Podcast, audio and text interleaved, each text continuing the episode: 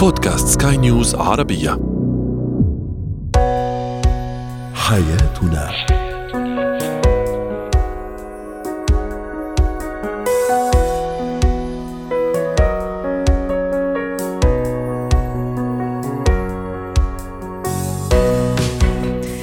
مستمعينا الكرام أهلا بكم معنا إلى حياتنا فضاؤكم اليومي الذي يعنى بشؤون الأسرة وباقي الشؤون الحياتية الأخرى والذي يمكنكم الاستماع إليه عبر منصة Sky News Arabia dot com slash podcast وباقي منصات سكاي نيوز العربية الأخرى. شاركونا عبر رقم الواتساب 00971 561 88 ثلاثة معي. أنا أمال شابة. اليوم نتحدث عن الارتباط بشريك سبق له الارتباط من قبل.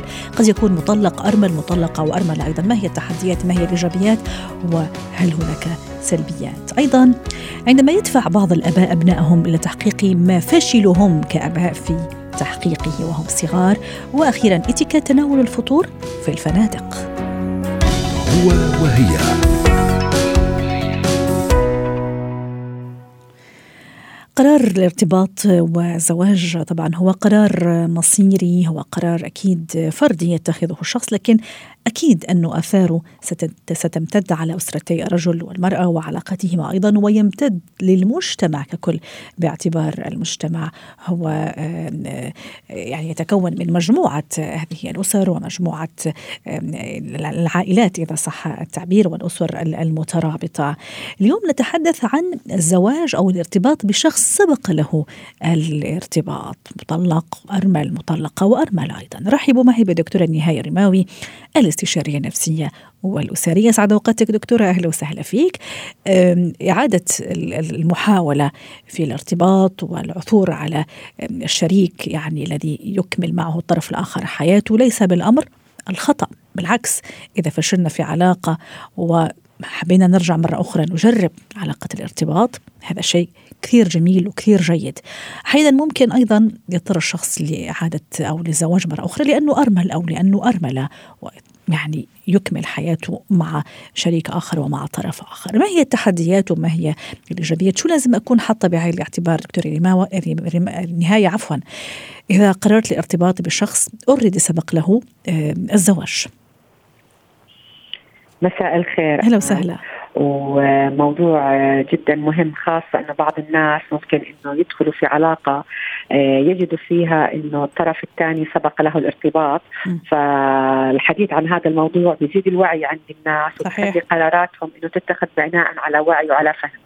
وزي ما حكيتي الارتباط هو مطلب شرعي وصحي لكل إنسان. إذا ارتبط في يوم من الأيام بشريك وجد إنه ما في لغة تفاهم أو تفكير متباعد أو في تنافر في التفكير وأدى ذلك إلى الانفصال أو قد تكون ظروف الحياة مثل الوفاة انه يصبح الشخص أرمل لا تتوقف الحياة عند شخص معين إنما من حق كل إنسان أن يجد الشريك المناسب اللي يكمل معه حياته حتى يعيش بالحياة حسب يعني سنتها وطبيعتها وحسب ما احتياجاتنا وما نحتاج إليه في هذه الحياة. فالزواج بشخص مرتبط لا, يع... لا ليس بالضرورة أن يكون تجربة سيئة. لكن أحيانا النمط المجتمعي أو الوصمة الاجتماعية هي اللي بتعطي الصورة العامة لمثل هذا النوع من الارتباط فما بتعطي دائما إنه درجة عالية من القبول أو النجاح. فدائما هو أول مثلا اذا وحدة قالت لك أنا رح أرتبط بواحد بس كان متزوج أو مطلق أول كلمة إنه إيش اللي جابك على هذا النوع من الارتباط؟ وكأنهم بيعتبروا إنه إذا فشل بالمرة الأولى رح يفشل بالمرة الثانية. ليس بالضرورة إنه كل انسان إذا تعرض إلى تجربة فاشلة إنه يفشل بالتجربة الثانية. بالعكس يمكن يكون هذا الاختيار هو أنسب اختيار للإنسان حسب طريقة تفكيره حسب حياته. وراح أفتح قوس دكتورة نهاية. إذا تسمحي لي كمان راح أضيف على هذا الكلام الرائع اللي عم تحكي فيه وتتفضلي فيه وعم تحكي عنه. ممكن عدم التقبل يكون أكثر وأكثر إذا قرر هذا الشاب مثلا ويكون أعزب يقرر الارتباط بسيدة مثلا. سبق لها الارتباط مطلقة أو أرملة ممكن كمان هون الحساسية تكون أكثر وأكثر. أعلى.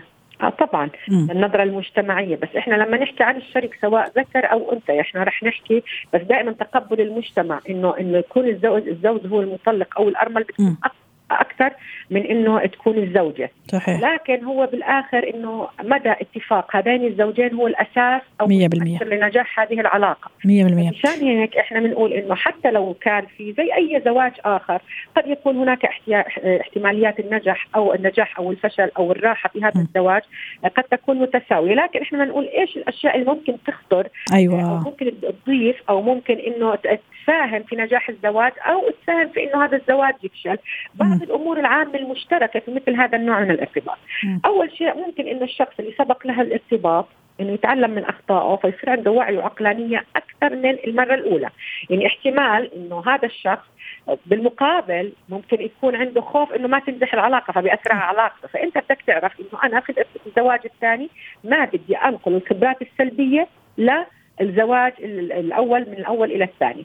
فهون الوعي والعقلانية الأصل إنها تكون أكثر يعني أكثر رجاحة في التفكير والوعي عن إنه الأشياء اللي كنت أعملها بالزواج الأول إنه كانت تؤدي إلى نتائج غير مرضية غير مريحة للطرف الآخر بصير أنا أنظر لها على إنها نقاط ضعف في زواجي الأول أحاول أتخطاها في الزواج الثاني. ثاني شيء ممكن يصير في تقدير للشريك أكثر لأنه مش بالساهل الإنسان يرتبط ويطلع ويقول بلائح الثاني. أحيانا بدي أعطي تقدير لشريك الحياة أو لشريك الحياة حتى انه انجح هذا الزواج. فمن أكثر يعني نسب الطلاق إنه الزوج لا يقدر الزوجه أو الزوجة لا تعطي للزوج الاهتمام الكافي أو التقدير الكافي. فهون لما يصير في عندنا زواج إني اتزوج يعني يتزوج الواحد للمرة الثانية ممكن أحس إنه لا والله شريك حياتي اللي كان مرتبط سابقا عنده تقدير عالي لإلي عم بقدر كل شيء عم بعمله فهذا الشيء ممكن يزيد أو يساهم في إنجاح الزواج. في عندنا ممكن يكون إنه الإنسان في التجربة الأولى أنا ما نجحت بس بعطيه إصرار أكثر وحماس أكثر إنه بدي العلاقة الثانية لازم تنجح يعني أو مش لازم لإنه بدي أنجحها شكلا يعني أنا بدي أستثمر بكل ما أملك لإنجاح مثل هذه المؤسسة مؤسسة الزواج. فبصير عنده الخيارات أكثر القرارات أنضج.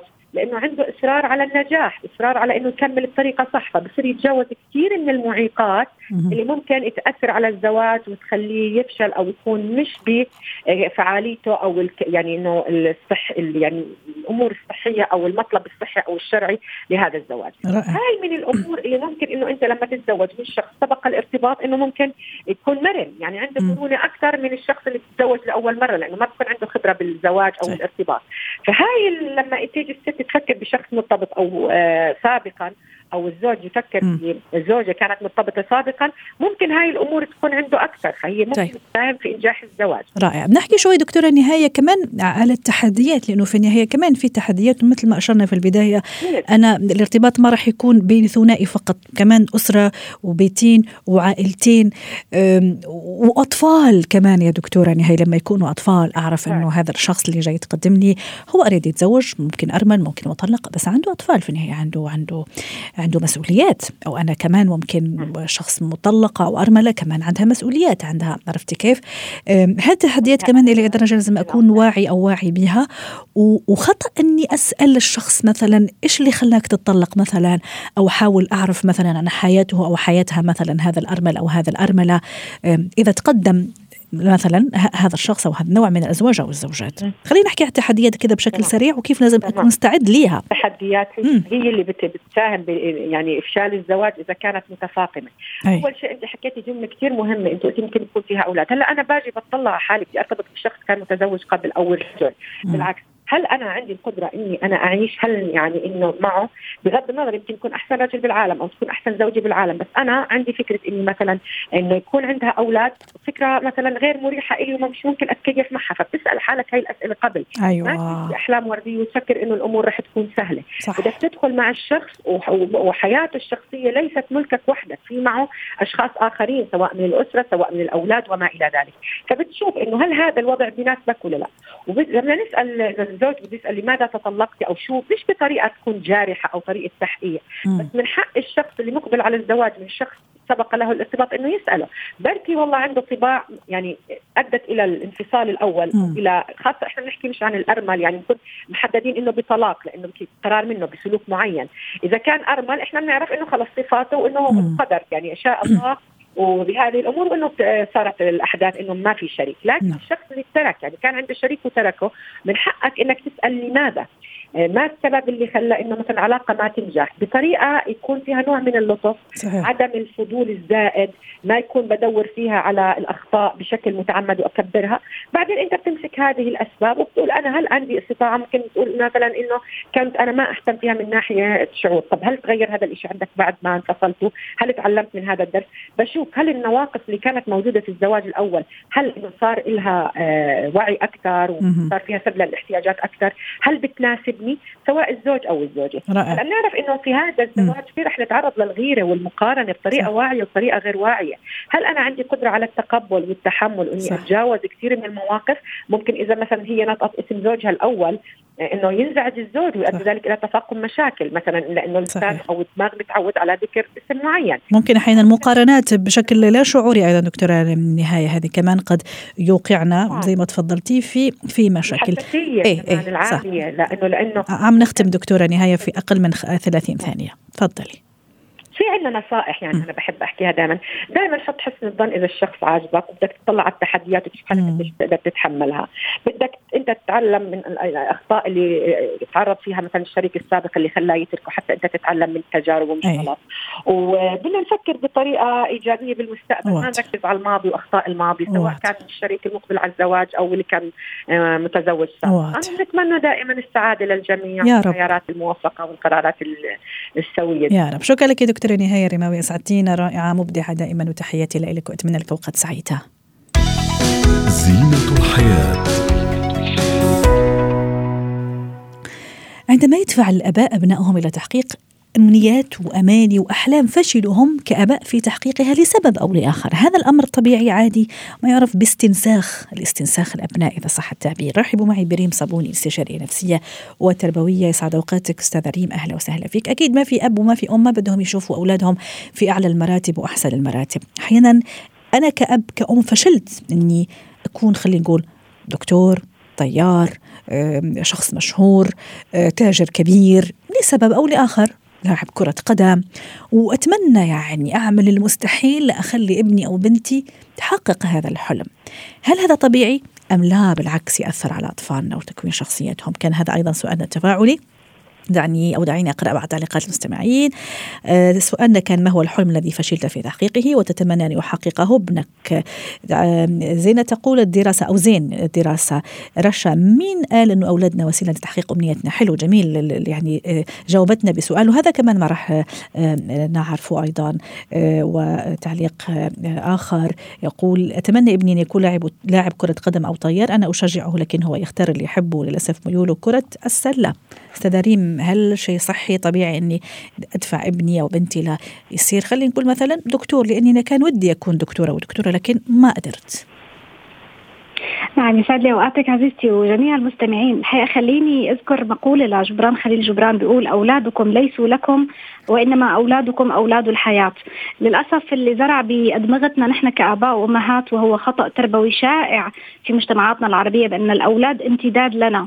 فهم آه إذا يعني وسيلة لتحقيق رغباتنا وأمانينا المكبوتة أو غير الأشياء اللي إحنا ما قدرنا نحققها أو حتى مستوى اجتماعي لائق أنا حابة أوصل له كأب أو كأم وما قدرت أوصل له بحياتي السابقة. صح. أو من رغبة سابقة آه، لا واعية طبعا دفينة جواتنا بإنه نحن نعرف الأصلح لأطفالنا أو لأولادنا. وبعدين كمان معلش استاذه ريم آه، راح أقطع كلامك. أنت ذكرتي مقوله لجبران خليل جبران. هذا خليني كمان أروح لشيء آخر. في كثير ناس بيؤمنوا بالمثل القائل من شابه أباه فما ظلم.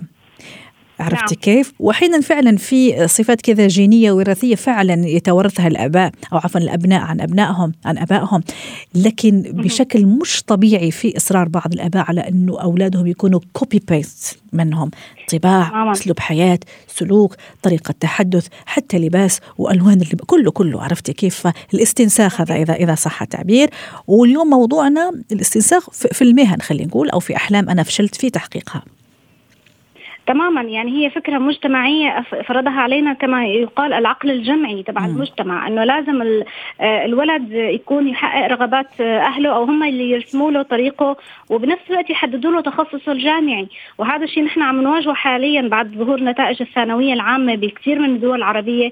آه إنه الكثير عم بيعانوا من فكرة إنه آه شعرت بالإحباط لأنه ابني ما حقق لي رغباتي في دخول الكلية الفلانية وخاصة كليات القمة اللي إحنا مسميها الهندسة والطب. والصيدلة تتبعها كمان. فهذا يعني بصراحة خطأ شائع جدا جدا ومنتشر. وراءه موروثات ومعتقدات فكرية بأنه الأبناء يجب أن يحققوا أمانينا وأحلامنا وطموحاتنا ورغباتنا حتى يعني سوري معلش بهي الكلمة فيما يتعلق حتى باختيار الزوجة فيما بعد. م. يعني آه، الآباء يتدخلون بحياة أبنائهم وكأنهم ملك آه، لهم وهذا الإنسان لا يحق له لا حرية اختيار التخصص ولا حتى حرية اختيار طريق الحياة. آه، المطلوب مني أنا كأب وكأم كثير تكون واعي للأفكار اللي أنا عم صدرها لابني وحطها ضمن هذا الإطار. يعني يصل الأمر إلى اختيار نوع الملابس ولونها وطريقتها طبعا أنا هون ممكن الناس كثير يسألوني طب يعني هل أنا أنسحب كأب أو كأم من دوري آه، الأبوي أو دوري أنا كأب كأم؟ اذا أين دوري؟ صحيح. آه، تختلط المفاهيم عنا إنه هل هذا أصلا من ضمن مهماتي التربوية كأب وكأم أم أنها ليست من ضمن مهماتي؟ كمان استاذه ريم في تعليق أنا لفتني أنا أنا متفقة معك إنه نخلي أبنائنا حرية الاختيار ومش شرط أنا مذيع أو مذيع شاطر أو لامع ممكن ابني أو بنتي تصير مذيعة أو مش شرط أنا أكون بروفيسور جراح كبير بنتي أو ابني يصير كذلك. لكن مثلا إذا كان العكس أنا لفتني آه، تعليق يقول الدراسة شكله المستمع أو المشارك معنا اليوم لم تتاح له فرصة ممكن يكمل دراسته. طب وين الخطأ إذا تمنيت أنا ابني يطلع آه، خريج جامعة يكمل دراسته؟ دراسته وين الخطأ هون؟ وين الخلل؟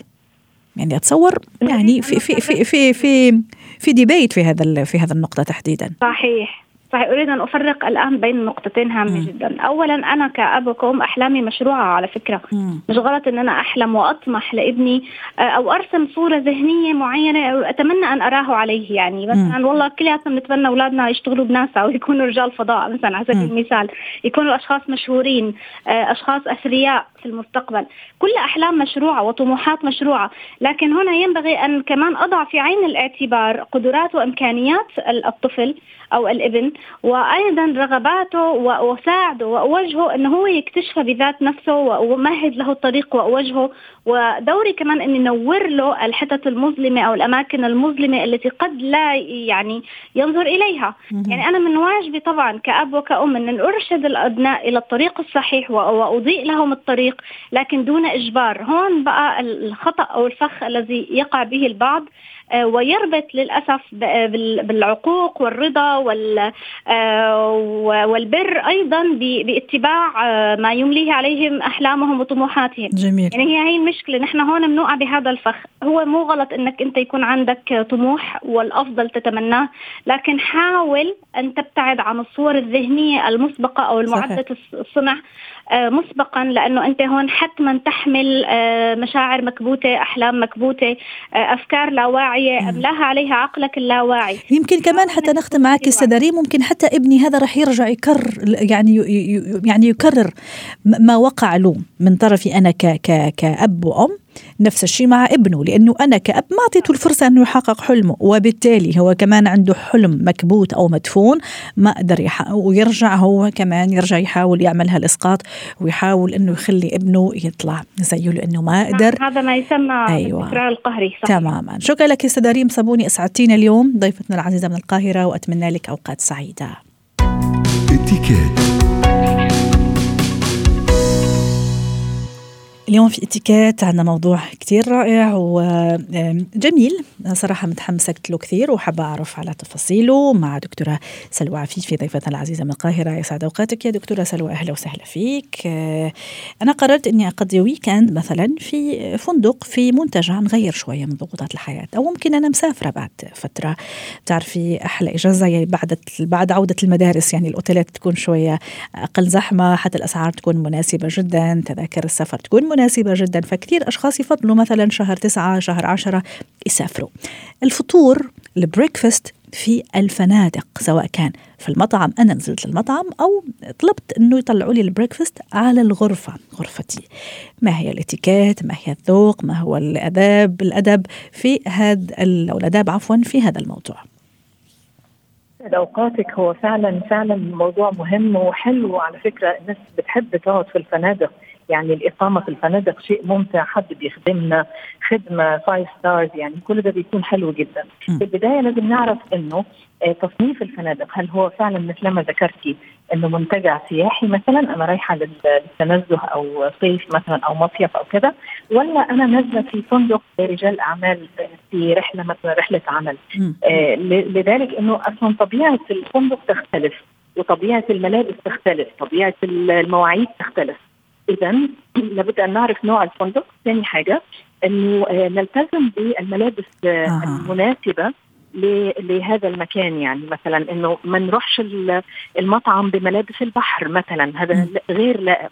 نلتزم أيضا بمواعيد افتتاح المطعم وإغلاق المطعم حتى لا نربك العاملين هناك. على سيرة الملابس عم تحكي نقطة كثير مهمة. أحيانا نشوف مثلا البعض لأنه هو جاي سياحة يعني جاي لا يرتاح عرفتي نعم. كيف؟ ممكن هو راح يرجع بعد ما يخلص ال breakfast ممكن يرجع أو ترجع على الغرفة. فالبعض نشوفه مثلا نازل تقريبا يعني مش يعني مش لباس formal مش لباس يعني صح. رسمي عرفتي كيف؟ ممكن صح. حط جاكيت أو حاطه جاكيت فقط. ممكن حتى وانت بكرامة آه، حتى shoes مثلا slippers مثلا نازلة أو نازلة بها هل هذا بيصير ولا ما بيصير؟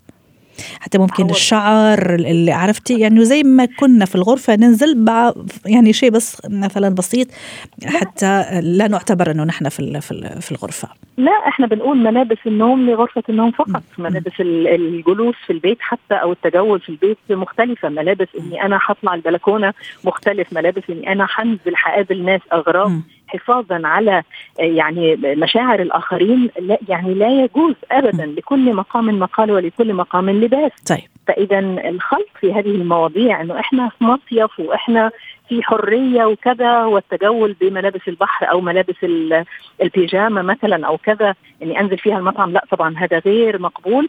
مش لازم أكون في كامل يعني الأناقة لأنه في ناس طبعا بتصحى على آخر الوقت أنت عارفة طبعا. فمعلش بس على الأقل أكون مرتب مهندم. يعني نيت يكون الشعر مصفف لابس شيء يعني يليق بالطلعة برا يعني. طيب. آه أيضا لابد من الابتسامة في وجه العاملين. يعني اذا إحنا دخلنا. آه لازم نبلغ برقم الغرفة عدد صح. الأشخاص. ننتظر حتى يصطحبوننا إلى الطاولة مثلا المحجوزة لنا أو يمكن في طاولات معينة محجوزة لأشخاص آخرين أو مثلا وسط آخر. فكل هذه العوامل العوامل مهمة. والأطفال أيضا كمان أحيانا يشكلون مصدر إزعاج ممكن للآخرين. إذا ما شاء الله عندي اثنين ثلاثة هلا صحيوا مش عارفة يعني أسيطر عليهم. صح. هذه كمان يعني هذا بده عصير والثاني ما بده ياكل ويعني أكيد. أي. لازم يكون في سيطرة شوية أه. يعني من الأم أو من الأهل. آه كمان لازم الذهاب إلى البوفيه لازم يكون في نظام. يعني لازم صح. إنه أنا أبدأ من مكان بداية البوفيه ولا بد أن ألتزم بالدور لابد أن ألتزم ب آه، إذا قدامي يعني في في ناس أو كذا. آه وكمان إنه نمشي معانا طبق واحد فقط. ويا ريت الطبق الواحد فقط آه، يعني نحط الأصناف بجانب بعض وليس فوق بعض. ولازم ناخد على قدر اللي إحنا هناكله فعلا. صحيح. يعني إحنا عندنا قاعدة في الإتيكيت. وعشان أنا أوضحها عم عم نختم أستاذة سلوى. حاضر إنه أنا لو حطيت أنا الأصناف في طبقي فأنا لازم أخلصه للآخر. أما إذا قدم إلي ممكن إني أنا أترك فيه بعض الأصناف. فهذه من الأشياء المهمة. أما إذا أنا حطلب الاكل أو الطعام في الغرفة أيضا لابد لها إني أنا أبلغ من قبلها بوقت وأنتظر. يعني إنه أعمل حساب في نص ساعة أو ساعة مثلا. ربما أبلغ قبلها بليلة مثلا. صح. وعند الانتهاء أيوه. الصينية برا برا عند الباب مثلا أو بننده حد إنه هو ياخذها من ال housekeeping أو ال room service فهذه كلها أداب يعني في النهاية دايما بنقول اترك المكان أفضل من المكان اترك سمعة طيبة أو انطباع طيب حتى لما يشوفوا اسمي مرة ثانية جاية الأوتيل. يعني ما يقولوش إنه أنا troublemaker guest يعني فلازم نكون ضيوف خفاف لطاف. شكرا لك دكتورة سلوى عفيفي سعدتينا اليوم ضيفتنا من القاهرة. حياتنا. ختام حلقة اليوم من حياتنا. شكرا لكم وإلى اللقاء.